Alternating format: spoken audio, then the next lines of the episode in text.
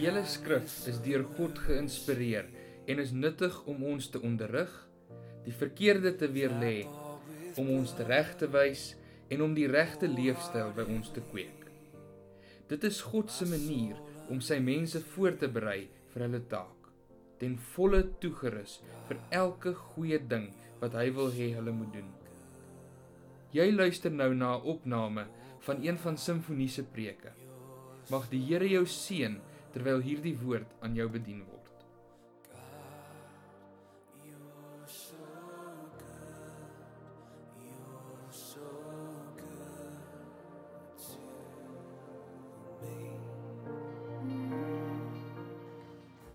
Vanaand wil ek met jou praat oor moenie net halfpad gaan nie. Ehm um, dis een van die gevare van ons Christelike lewe om net halfpad te gaan. Een van ons kerkleiers nou net agter toe ons die doopkandidate sien ehm um, toe ons die doopkandidate gesien het, sê so 'n interessante opmerking. Hy sê as ons oor die jare die mense vat uh wat gedoop is in kerke, ook hier by ons gemeente, moes ons kerk al 6 keer groter gewees het. Dis nie waar nie. Baie mense is al gedoop. Maar eers langs die pad verloor hulle spoed. Hulle gaan halfpad. Eers gaan sit hulle langs die pad en dien die Here nie voluit nie, gee op oor verskeie redes. Maar dis nie net iets wat vandag gebeur nie, dit het al in die Bybelse tye gebeur. Ons lees dat die Here het eendag vir Abraham geroep en hulle sê hy was in hierdie land gewees Mesopotamië. Ehm um, dis wat Tannie het ons gesê vir Dominee, Dominee jy preek so mooi. Hy sê wat is mooi? Sy sê Dominee jy, jy sê so mooi Mesopotamië. Maar hy was in Mesopotamië gewees en hulle noem dit ook Ur van die Galdeërs. En hy het daar gebly saam met sy pa. Sy pa Tera het nog gelewe.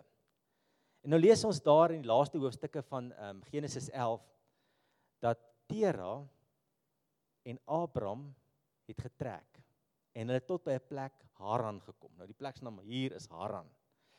Dit was halfpad op pad na Kanaan toe.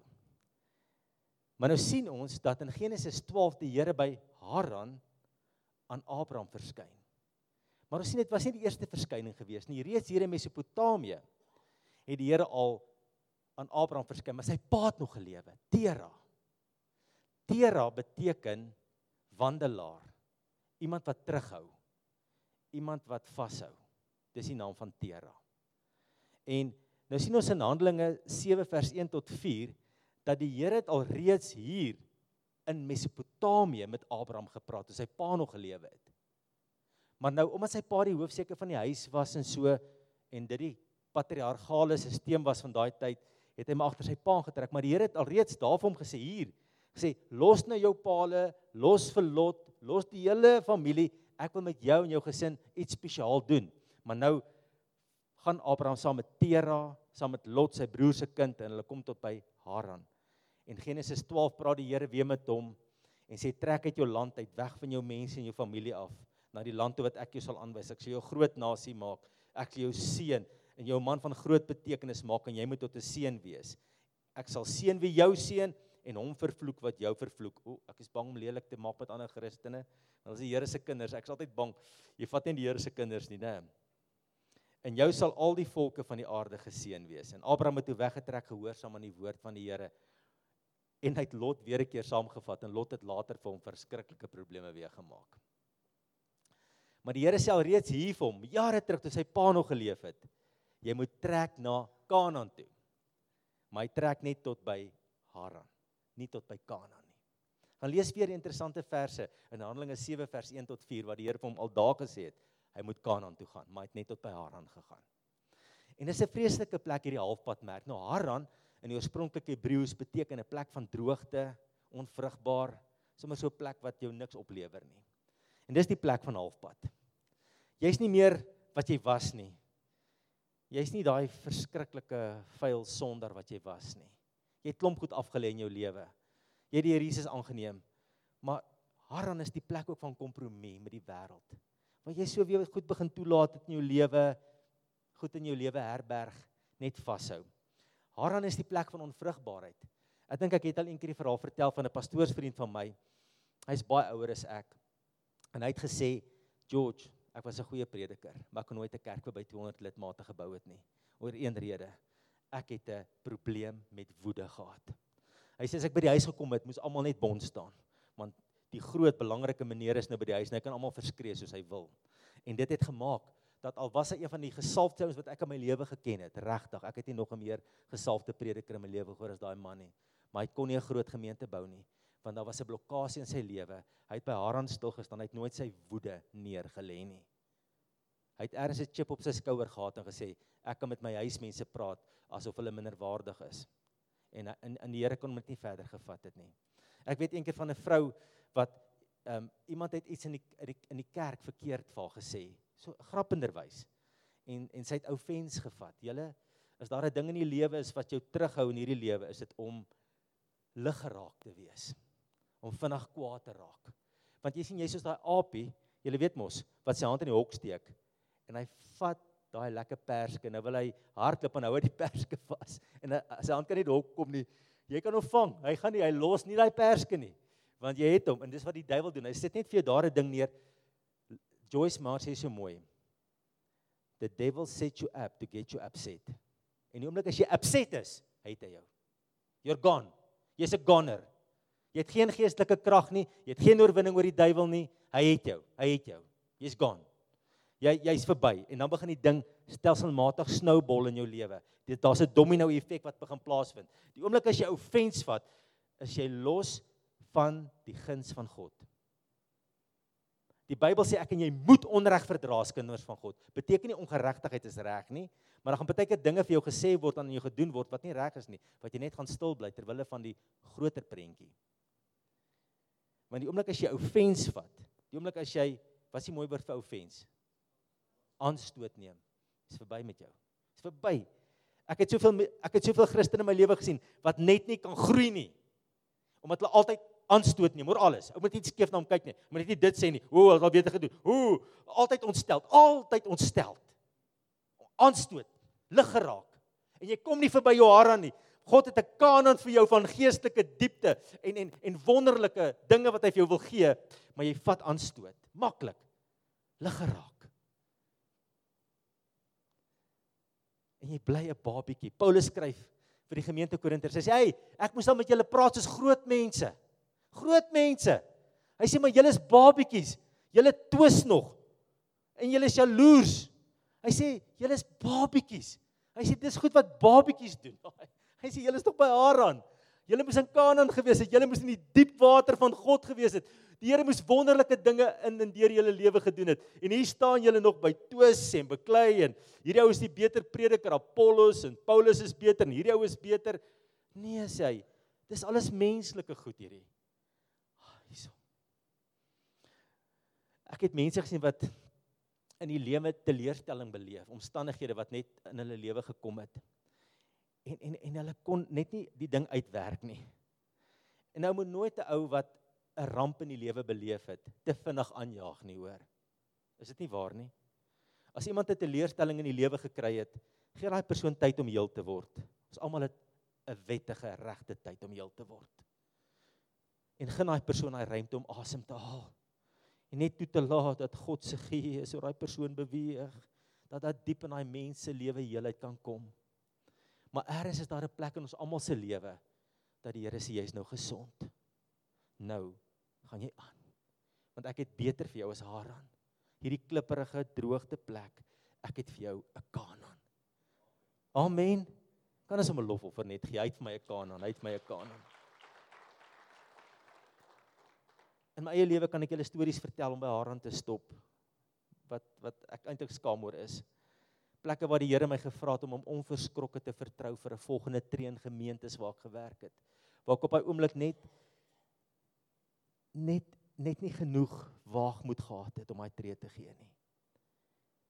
En dan het ek dan het ek lank by haar aan stil gestaan. Want sien om by haar aan stil te staan, die Here kom weer oor jou lewenspad, maar daai geleentheid kom baie keer baie later weer na jou lewe toe.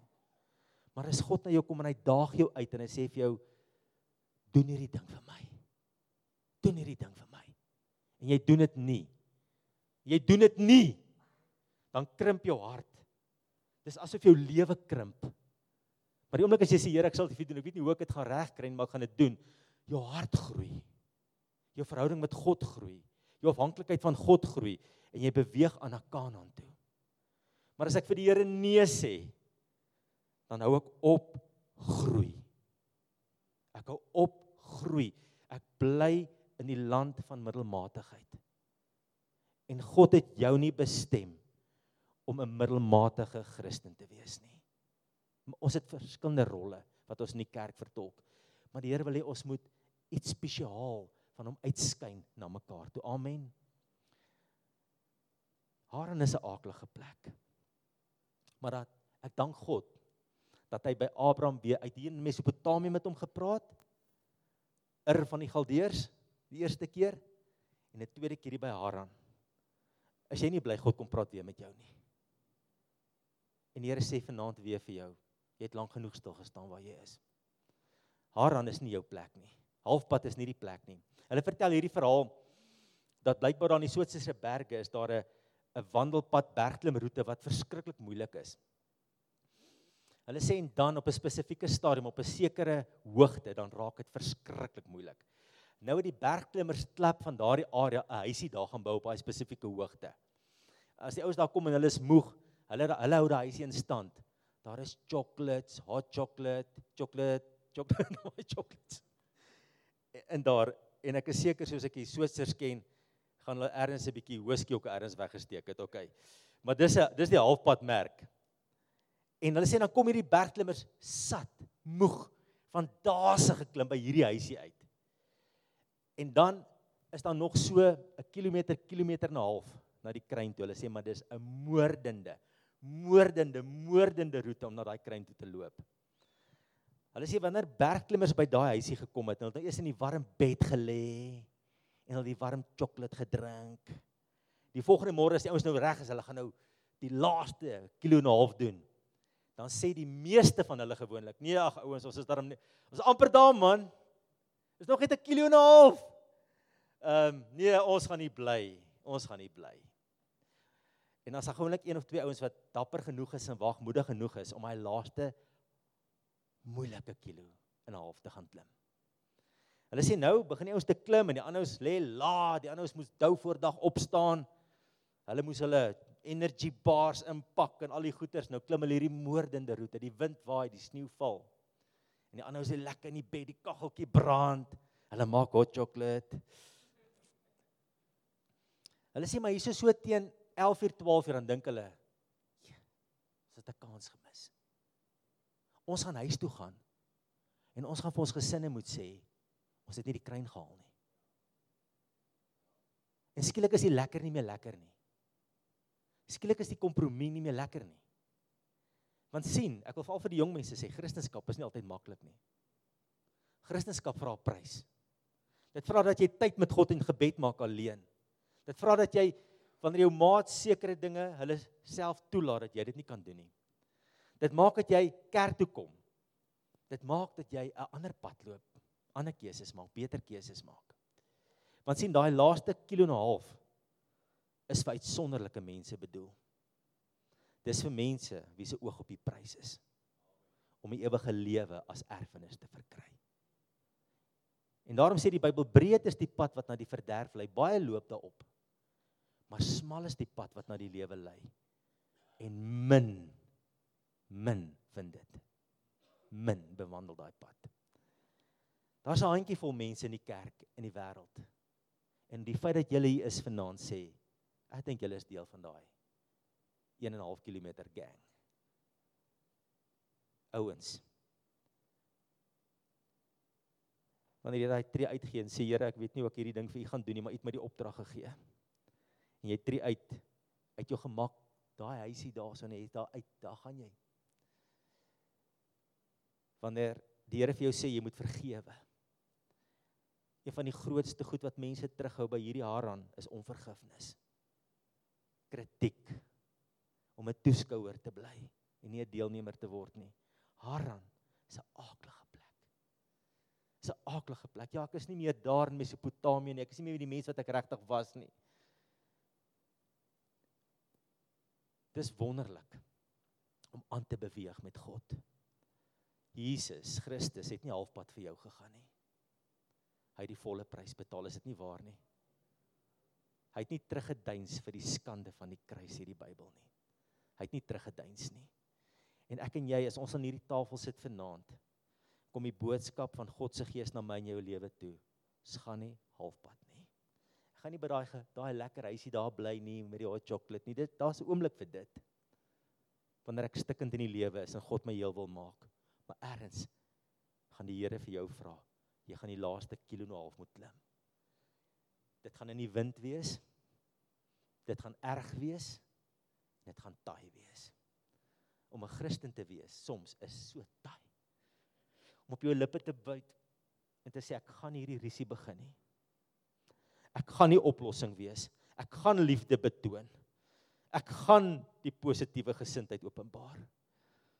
Dit is wanneer jy die laaste kilo en 'n half loop met Christus. Noem die Bybel dit nie die tweede myl nie, pastoor. Die tweede myl wat ons loop. En mag ek en jy volhard tot die einde toe. Die Bybel sê hy wie volhard tot die einde toe. Hy sal gered word. Halfpad is 'n aaklige plek. Daar's geen seën nie, daar's geen vreugde nie. Maar daar's 'n Kanaan. Halleluja, Kanaan toe. Halleluja, Kanaan toe, né? Ons is op pad Kanaan toe, na die ewige lewe, maar ook na God se doel met my lewe nou op aarde. Kan die nagmaal helpers asseblief na vore kom? Ons wil so graag julle vanaand met nagmaal bedien.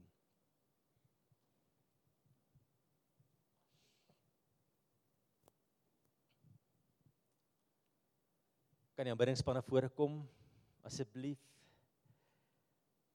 Daar waar jy sit, kan ons ons oor net vanaand sluit. Hierdie tafel praat van 'n Jesus wat nie halfpad opgehou het om jou lief te hê nie, maar hy het tot die kruis gegaan. Hy het, hy het die volle pad geloop om sy lewe vir jou te gee. En wat hy vanaand van jou en my vra is, is om te sê ek gaan nie die halfpad lewe lewe nie. Ek gaan nie half-half hierdie Christen ding doen nie. Dis alles of dis niks.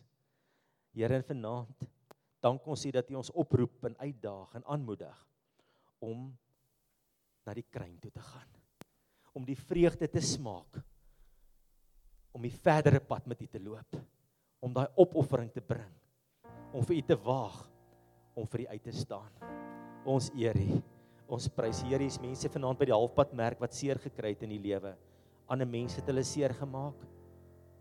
Die lewe het hulle seer gemaak. En hulle het 'n tydjie van heling in die skadu van die Almagtige nodig. En nou bid ons in hierdie kerk vir elkeen wat vanaand by die halfpad merk sit, wat eina het, dat die soet werking van God se Gees hulle sal heel maak. Dat hulle ook weer die vreugde kan ervaar om na die kruin toe te klim kind van God, ek wil jou uitdaag vanaand met die erns en met die liefde van die Here in my hart. Moenie halfpad lewe lewe nie. Leef 'n lewe wat aan Jesus eer bring. Gee jou alles vir hom. En as hy groot goed van jou vra, groot uitdagings om aan te pak, doen dit. Moenie terugduins nie. Hy het alles vir jou gegee. Kom ons gee alles vir hom. Ons eer Jesus. Amen. Oh, sing it to him, sing God. You're Dit is ons opregte wens dat hierdie boodskap jou geïnspireer het om elke dag te streef om liewer vir God, liewer vir jou gemeente en liewer vir die gemeenskap rondom jou te word. As jy meer wil uitvind oor simfonie en wat daar gebeur, besoek gerus www.simfonie.co.za. Mag die Here jou seën.